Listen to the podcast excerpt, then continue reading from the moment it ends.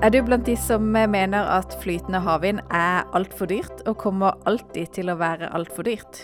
Til dem som sier det, her, så vil jeg si ok, la oss snakkes når eh, man har fått installert 10 gigawatt eh, flytende havvind.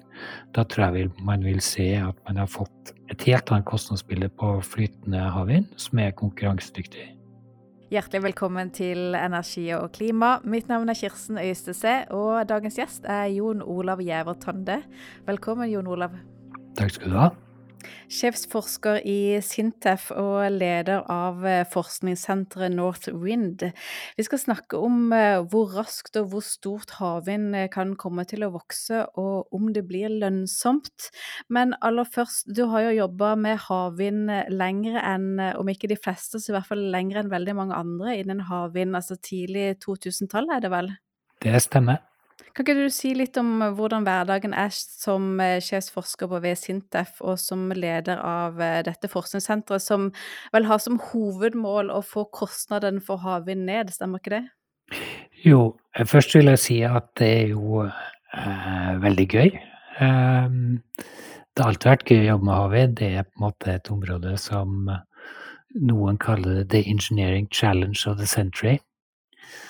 Og det er fordi at det, det er så mange ting å ta fatt i. Du kan, du kan jobbe med eh, konstruksjoner, du kan jobbe med nettilkobling, systemintegrasjon, du kan jobbe med logistikk, miljøvirkning, digitalisering, drift vedlikehold. Eh, så det blir aldri kjedelig. da, Det er veldig mye spennende eh, å ta tak i.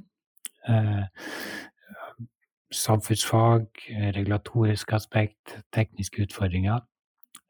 Eh, og så har det jo vært eh, sånn at havvind har vel alltid vært noe som eh, folk har vært interessert i, og som man har sett positivt på. Eh, men nå opplever vi virkelig en boom da, i interessen, ikke bare blant folk, men også fra industri og myndigheter. Det er jo selvfølgelig veldig gøy når det er et felt man jobber med. Mm. Og alle disse fagfeltene som du nevner som man kan forske på innen havvind, hva er det som engasjerer deg mest?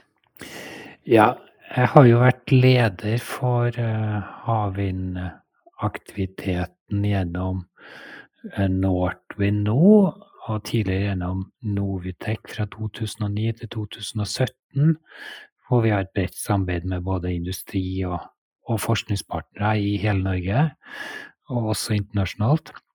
Og som leder av den aktiviteten så har jeg jo litt sånn fokus på havvind og alle fasettene der.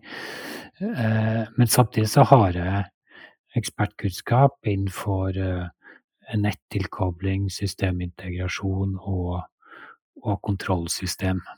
Det er liksom det som er min, min faglige kjernekunnskap. Mm. Du, skal vi begynne litt med historikken, rett og slett. Se litt på hvordan har havvind globalt utvikla seg fra den første havvindparken ble bygd og fram til i dag. Kan du bare gi det bildet? Ja. Den første havvindparken ble jo bygd eh, for lenge siden. Eh, så lenge siden at jeg ikke husker det, men det var vel Vindeby i 1990-ish en gang. Eh, og da er vi i Danmark? Og da var vi i Danmark, og det var en havvindparks hvor man definerte havvind som noe som sto i vann. Eh, ganske nærme kysten. Eh, så det er litt å ta i å kalle en havvindpark, men den sto eh, i vann, i sjøen. Og jeg bodde selv i Danmark på det tidspunktet den ble bygd. For jeg jobba i Danmark fra 1990 til 1997. Eh, på det som da het Forskningssenter RISE, og som nå heter DTU Vind. Så jeg husker godt den parken der, stor interesse. Og så husker jeg også hvordan eh, man fikk liksom opplevelse at oi, det her var ikke så lett som vi trodde. Fordi i starten så tenkte man det at ok, man tar en vindmølle man har bygd på land. Eh, gjør litt sånn marinisering, som man kaller det. At man tilpasser et offshoremiljø. Og så lager man et fundament, og så står den landbaserte vindturbinen som om den står på land. Og så fikk man en del aha-opplevelser. Så man gikk fra vill entusiasme til sånn eh, mer forsiktighet. Oi, oi, oi, her er det mange ting man skulle passe på med. Så det var en periode hvor utviklinga gikk ganske sakte. Eh, og så har det jo tatt av utover ja, fra 2000 utover. Og så når jeg sier tatt av, så skal man jo mm, sette det litt i perspektiv også, da.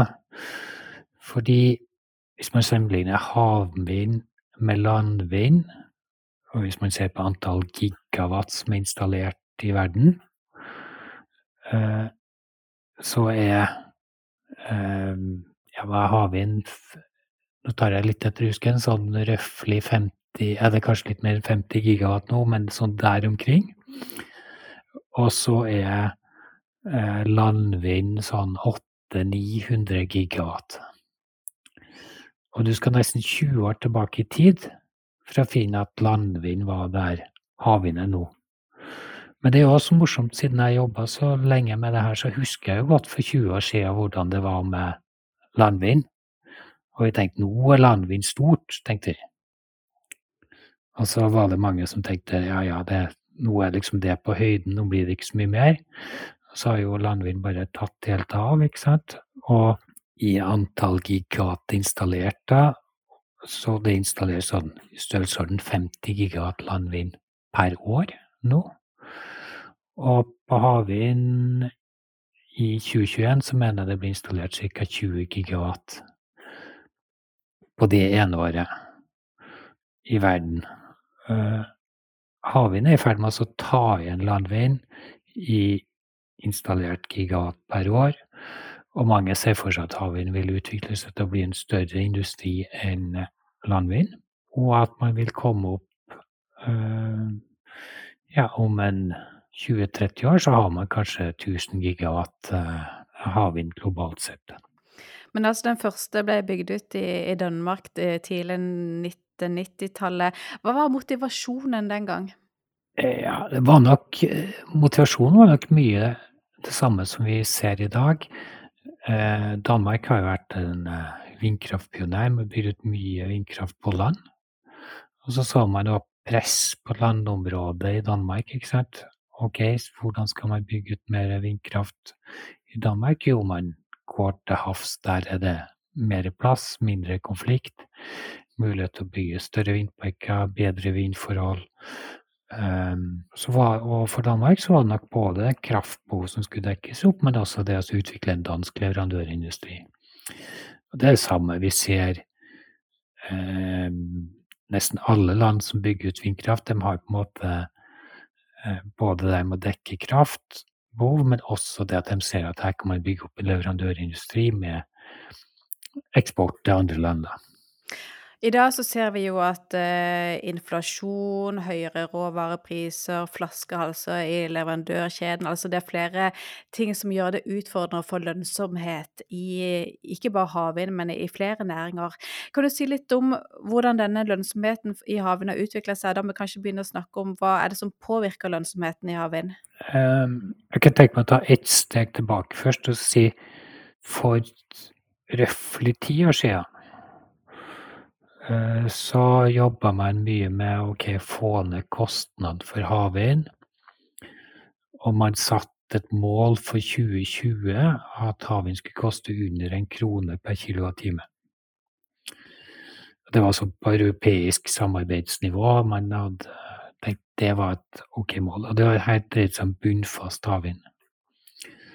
Og så vet vi i dag at uh, parker som bygges med bunnfast havvindteknologi i dag, kan bygges for røftlig 50 øre per kilowattime.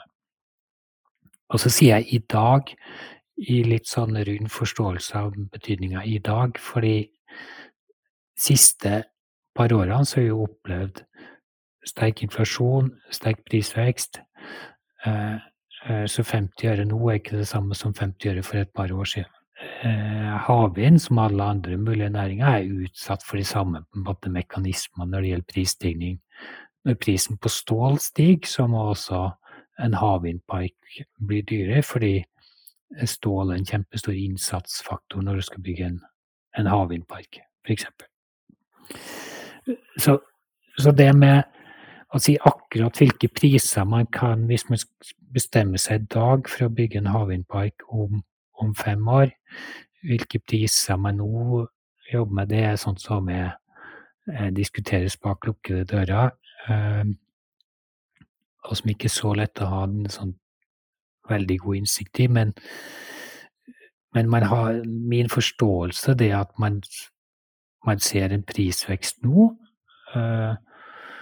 etter å ha fått en veldig kraftig prisnedgang gjennom mange år. Så ser man en prisvekst nå, men at man regner med at samfunnet og råvarepriser osv. vil bevege seg tilbake til normalen i løpet av ja, kanskje en femårsperiode, og at man deretter igjen vil få ja, komme tilbake med, med igjen eh, reduserte priser. Og så er det jo kanskje ikke så interessant hva havvind koster per kilowattime i absolutt nivå. Det som er interessant, er hva det koster i forhold til alternative energikilder. Og sånn som i dag, så er gass, eh, gass og kull eh, også dyrt. så alle de alternative energikildene, både fossilt baserte, eller om det er atomkraft, eller om det er eh, sol eller hva det er, de er utsatt for de samme liksom, samfunnspåvirkninger som påvirker eh, produksjonskostnaden for, for ny energi. Eh, så på den måten så tror jeg at havvind stadig vil være eh, konkurransedyktig. Så må man jo skille da mellom eh, bunnfast havvind og, og flytende havvind. Eh, på bunnfast havvind så har man bygd ut røftlig 50 gigawatt Eh, på flytende havvind som har bygd ut 0,05 eh, gigawatt. Så flytende havvind er en, en nisjeteknologi per i dag. Eh, men en teknologi med et voldsomt potensial. Mesteparten av havene har dypt vann, med dyp mer enn 60 meter. Så regner man typisk med at da vil man bygge i hovedsak eh, flytende vind, og potensialet eh, for flytende havvind kan dekke tolv ganger verdens elbehov i 2019, hvis jeg husker rett. Eh, så det er et voldsomt potensial for flytende vind, og mange spår egentlig at flytende vind kan bli vel så billig eh, som bunnfast eh, vind når man får bygd opp leverandørkjeder og får utvikla den teknologien. Vel så billig, det er jo et regnestykke som jeg gjerne vil gå litt inn i. For det virker jo ikke logisk i, i mitt hode. Altså vi tenker at bunnfast vil alltid være rimeligere enn flytende, på samme måte som landbasert alltid vil være billigere enn havvind. Kan du utdype litt hva som gjør at kostnadene kan komme ned? Ja, hvis man eh, starter på toppen, da. Eh, vindturbinen, enten det er flytende eller bunnfast, er stort sett den samme. Og så har du, når du ser på fundamentet på en bunnfast turbin, så tenker man jo kanskje at det fundamentet er fra liksom litt over vannivå og ned til, til uh, havbunnen. Men det er jo ikke bare ned til havbunnen. Det skal faktisk bankes eller drilles eller bores langt ned i havbunnen, kanskje 50 meter ned i havbunnen. Litt avhengig av eh, ja, lokale forhold osv. Så, videre. så hvis man sammenligner mengden stål man bruker på en bunnfast turbin på ja, 30 meters havdyp, og en flytende turbin på 200 meters havdyp, så er det veldig sånn sammenlignbare eh, størrelser. Og så vil en flytende havvind være avhengig av eh, forankring eh, ankerkjetting, ankerlina, eh, den type ting. Det har en kostnad. I dag så er det eh, et produkt som er relativt dyrt, men hvis man ser på stålprisen eller kostnaden for fibertøy, når man tenker seg at man får opp en leverandørkjede på det, og det samme når det gjelder fundamentet, så kan det gjøres relativt billig. Det bør ikke koste veldig mye mer per kilo enn det koster per kilo eh, ståltårn. Så da er det ja, kanskje så er bunnfast litt billigere enn flytende når man tar de faktorene. Men hvis man så ser på installasjonen av en bunnfast turbin kontra en flytende turbin, så kan en flytende turbin bygges ferdig i en havn, i en dypvannshavn, hvor folk kan gå eller sykle eller kjøre bil til og fra jobb, møte opp ved havna, bygge turbinen sånn at den er ferdig, flyte i vannet, og så taues den ut til der den nå skal stå og produsere, med taubåter. Slipper man ankerlinja ned, kobler til nettsystemet, og så er man i drift. På en bunnfast turbin så må turbinene fraktes ut til siten med en båt. Man må gjøre installasjon ute i offshore-området. Man må gjøre mye arbeid på på ja, forberede havbunnen. Og offshorearbeid er alltid mye dyrere enn det du kan gjøre på land eller ved en, ved en kai. Da. Så der så ut fra en sånn litt enkel analyse, da, så kan vi tenke at ja, flytende vind, når den teknologien og leverandørkjedene blir utvikla, så burde flytende vind kunne konkurrere på kostnad med, med bunnfast vind. Mm. Hva med flytende vind versus landbasert vind, da? Hvordan ville den differansen være? Ja, landbasert vind har jo den fordelen at der kan du ja, du slipper å ut i båt eller helikopter eller noen ting for å komme deg til vindparken når den er i drift. Så hvis kostnaden for land er som den er, har vært i dag, og man har folkelig aksept for landvind, og at man ikke må betale store avgifter for å bruke naturressursene på land, så vil nok landvind lenge framover være billigere enn en havvind. Men det er et åpent spørsmål hvor mye kostnader man vil få på landareal etter hvert, og bruk av landareal. Og det er også sånn at de beste lokalitetene for landvind er jo brukt opp, så Eller er ikke nødvendigvis tilgjengelig lenger. Nå tenker jeg ikke spesielt på Norge, men hvis man ser liksom litt globalt på det også. Og jo Ja, det er jo sånn at jo bedre vindforhold, desto større produksjon, desto større investeringskostnad kan du tåle for å gi samme kostnad per kilowattime produsert energi. Så med dårligere vindforhold så vil kostnaden per kilowattime produsert energi være større. Så det er jo også en effekt å ta med når man skal sammenligne landvind og, og havvind, at havvindparker stort sett vil produsere mer enn en landvindparker. Du høres jo ganske optimistisk ut med tanke på at kostnadene for flytende havvind kan gå ned. Men hva er de viktigste faktorene for å få det til? Det ene er at det må planlegges og bygges flytende havvindparker for at man skal kunne få en leverandørkjede. At man får altså industri til å bygge fabrikker som kan produsere f.eks. understell i stor stil, eller som kan produsere forankringssystem i stor stil, eller kan produsere dynamiske kabler for å koble dem til. Alt det der må liksom opp i volum, det må industrialiseres. Og for å få til det, så trenger man prosjekt. Rett og slett, må bygge ut. Så det er den ene faktoren. Og så må man jo passe seg sånn at man ikke bare tar T-Forden, for å bruke et sånt bileksempel, og bare masseprodusere T-Ford og stoppe med det.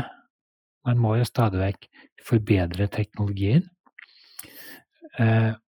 Og da er det mange innovasjoner og behov for forskning som man ser på f.eks.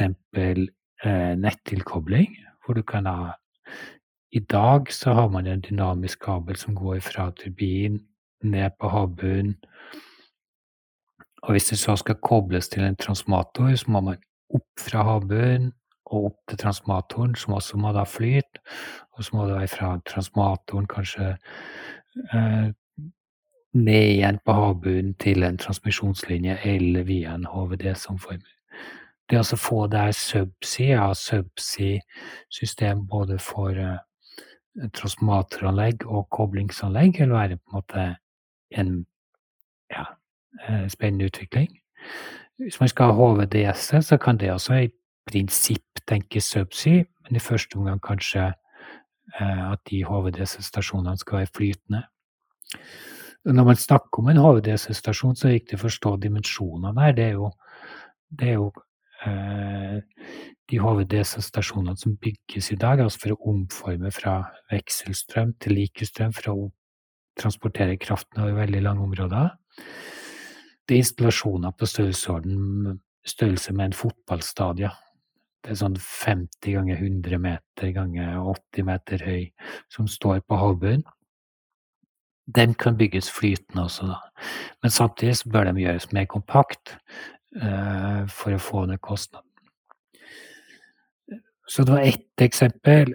Uh, forankringssystem på flytende havvind. Der kan man jobbe med um, kan man ha delte forankringssystem. Hva slags flytekonsept man skal ha, er et annet, annet spørsmål. Man har nå sånn ja, to, to, teknologier som dominerer. Det er Equinor sitt, sitt sparebøyekonsept.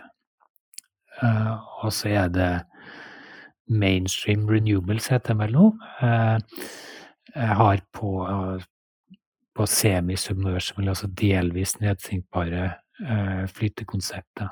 Men det kan være at det er helt radikalt nye løsninger som også bør eh, utvikles. Eh, det er ikke sikkert at flytende turbiner nødvendigvis skal se ut som bunnfaste turbiner i all, i all framtid. Kanskje en annen type turbinteknologi. Hva slags annen type tenker du på da? Ja, det kan være vertikalaksla turbiner, eksempel, istedenfor horisontalaksla turbiner som man har i dag.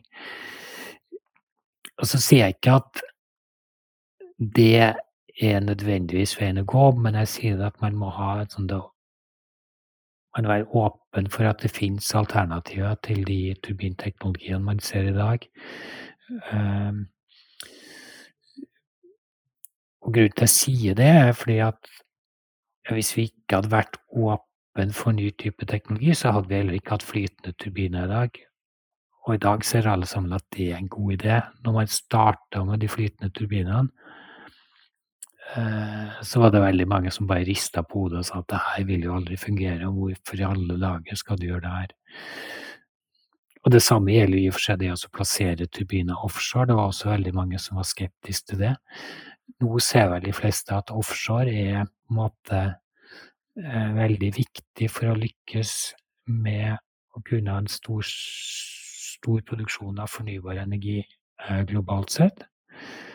Um, for å kunne nå klimamål, for å kunne ha ja, en mest mulig bærekraftig energiproduksjon. Og flytende vind eh, er antageligvis også den mest potente av uh, havvindteknologiene. Men det er også en god del som sier i dag at uh, flytende havvind er altfor dyrt, og kommer alltid til å være altfor dyrt. Ja, uh, og det, det forstår jeg jo at man kan si. Men det er altså sånn at flytende havvind er en teknologi helt i starten. Og det fins vel ingen eksempler på teknologier helt i starten som, som liksom bare kommer inn og er ikke utvikla og bare er kjempebillig. Og man har altså installert røftlig 50 gigawatt bunnfast vind, altså man har installert 0,05 gigawatt eh, flytende vind. Så til dem som sier det her, så vil jeg si ok, la oss snakkes når man har fått installert 10 gigawatt eh, flytende havvind. Da tror jeg man vil se at man har fått et helt annet kostnadsbilde på flytende havvind, som er konkurransedyktig. Og hvor man virkelig vil kunne se skalafordeler. Og, og at det også vil komme innovasjoner og nye løsninger som vil bidra vesentlig til å få ned kostnaden. Mm. Det er et interessant perspektiv det når du er inne på at det kan være vi vil se andre turbiner, vi må se litt på type nettilknytninger og kabler og de sidene ved det.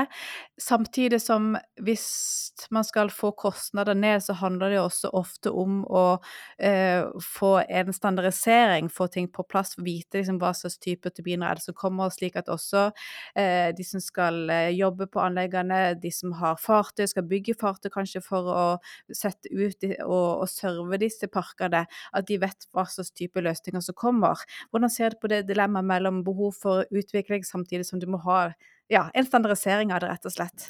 Nei, det der er et eh, skikkelig dilemma. Når jeg begynte å jobbe med vindkraft for lenge siden, så var en stor turbin 50 kW. Um, og nå er den en stor turbin ikke 5000 men 15 000 kilowatt. Så det har jo skjedd en enorm utvikling på turbinsida. Hvis man hadde standardisert vindkraftindustrien på la oss si ikke 50 kilowatt, kanskje, men 500 kilowatt, da, som mange på den tida snakket om at det var liksom så stor, men ikke større skulle en vindturbin være.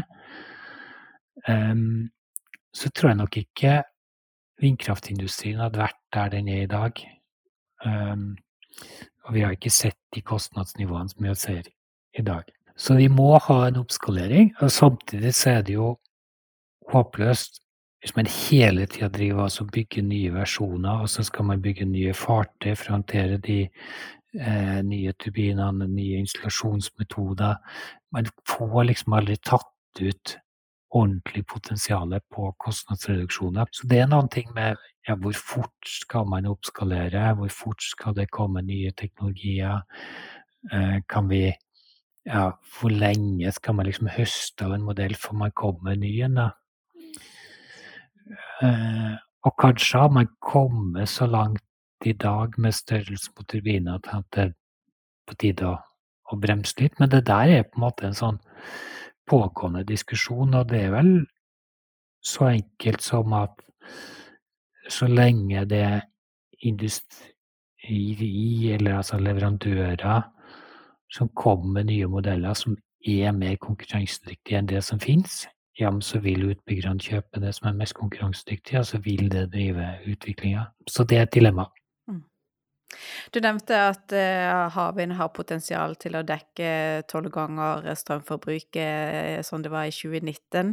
Uh, og når man snakker om prognose frem i tid, så blir jo tallene ofte veldig store hvis vi ser langt frem, f.eks. prognose for 2050. Da er det lett å blåse opp tallet til å bli noe veldig stort. Men hvis vi trekker det litt nærmere og sier 2030, og tar med også hva ikke bare hva som er potensialet, men hva også er teknisk, økonomisk realistisk å få til. Hvordan ser du prognosene for, eh, for vekst innen havvind, og da gjerne både bunnfast og flytende mot 2030? Ja. Det tolvganger-eksempelet du nevnte, var jo for flytende alene. Eh, hvis du tar med bunnfast også, så tror jeg det tallet er 18 ganger verdens elforbruk i 2019. Så potensialet er kjempestort. Og så når du spør liksom, ja, hva er forventningene fram mot 2030-2035, så eh, håper jeg at vi virkelig får en fortgang i utviklinga. fordi hvis vi skal nå klimamål, og nå snakker jeg ikke bare om havvind, men nå snakker jeg egentlig om alle energiteknologier som kan bidra til mindre klimagassutslipp, så må vi virkelig få opp farten. Og vi må vel øke investeringene med en faktor tre, sånn globalt sett, på eh, klimateknologier i forhold til hva vi gjør i dag. Eh, når vi samtidig vet at eh, havvind er pekt på som en av de viktige energiteknologiene i Europa eh, Havvind vil, hvis man ser på EU sine prognoser og, og mål, dekker røftlig en tredel av elforbruket i Europa, så skjønner man at det er superviktig for å nå de målene at havvindutviklinga også akselereres. Eh, og så har ikke jeg på en måte sånn detaljmarkedsinnsikt, så jeg kan si at det blir nå er det inngått de og de kontraktene, sånn at man, man vil antageligvis komme sånn. Men jeg, men jeg tenker at det at man nå, også med den grusomme krigen man har i Ukraina, som har kutta russisk gass, eh, gjør at man ikke får russisk gass Europa, til Europa, har jo virkelig satt søkelys på at man må få økt forsyning av fornybar energi i Europa. Så jeg vil forvente at den utviklingen man har sett i 2021 og 2022, eh, fortsetter, til tross for at man kanskje har noe prisstigning, at man stadig vekk får høye volum med installasjon av havvind framover. Fordi den prisstigninga man har sett på havvind, eh, må jo også ses opp mot at kraftprisene eh, er veldig høye, og at alternativkostnadene er veldig høye. Så vi ser vel stadig vekk at det vil være lønnsomt å ha en havvindutbygging. Eh, og da tenker jeg at man Ja, hvis man kan holde liksom med tjuetallet gigawatt per år uh, framover, så vil det være veldig bra. Og det er jo mange aktører i, som ønsker også å bygge ut eh, havvind i Norge. Det er vel en 18 konsortier som er interessert i å konkurrere om eh, Utsira Nord og eller Sørlig Nordsjø 2. Og så er det jo ambisjoner om å bygge ut vesentlig mer enn eh, en det som nå er ute eh, i Norge innen 2040. Hvordan skal vi få lønnsomhet i dette? Hva er det som er avgjørende for at eh, en storstilt utbygging av havvind i norske farvann blir lønnsomt? Jeg tror en nøkkel er å lage en, eh, en, god plan eh, som gir forutsigbarhet for aktørene. Og som sier noe om at ja, nå har vi utlyst de to første, så kommer det noen nye felt som blir utlyst. Og at man har egentlig sånne et visst antall gigawatt man skal bygge ut eh, til gitte eh, tidspunkt. Så man har måltall for 2030, man har måltall for 2035, 2040 osv. Det, det tror jeg er viktig. Eh, og så er det viktig at nettet ikke blir en flaskehals. At man får på plass nettkapasitet til å ta imot kraften eh, når den kommer. Eh, og at man har altså forutsigbarhet når det gjelder eh, rammevilkår. Eh, nå har man en sånn contract for difference på de første utbyggingene her, men at man også har en plan for ja, hva skal det være? Skal det være systemet framover, eller vil det avtrappes? Hva slags type eh, system ser man for seg? Og det er klart, det, det er jo ikke alt som trenger å være hogd i stein, men at man har en, man har en plan som man kanskje kan oppdatere løpende, da, som aktørene kan forholde seg til. For at forutsigbarhet er nok en av de aller viktigste tingene. Eh, også for at man skal få bygd opp eh, leverandørkjeder en industri som, som tenker at jo, her ser vi et langsiktig marked, her kan vi satse. Hvor stor industri ser du at dette kan bli i Norge, da? Ikke bare på utbygging av havvindmøller, men også på hele verdikjeden?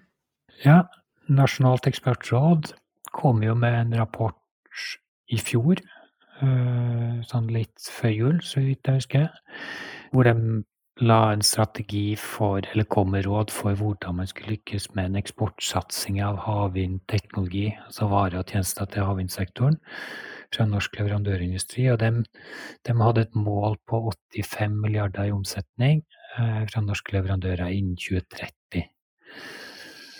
Og den omsetninga har jo hatt en formidabel økning eh, de siste årene, fra sånn ja, fem milliarder ish per år hvis du går en eh, fem-ti år tilbake i tid, eh, til eh, over 20 milliarder i, i forfjor.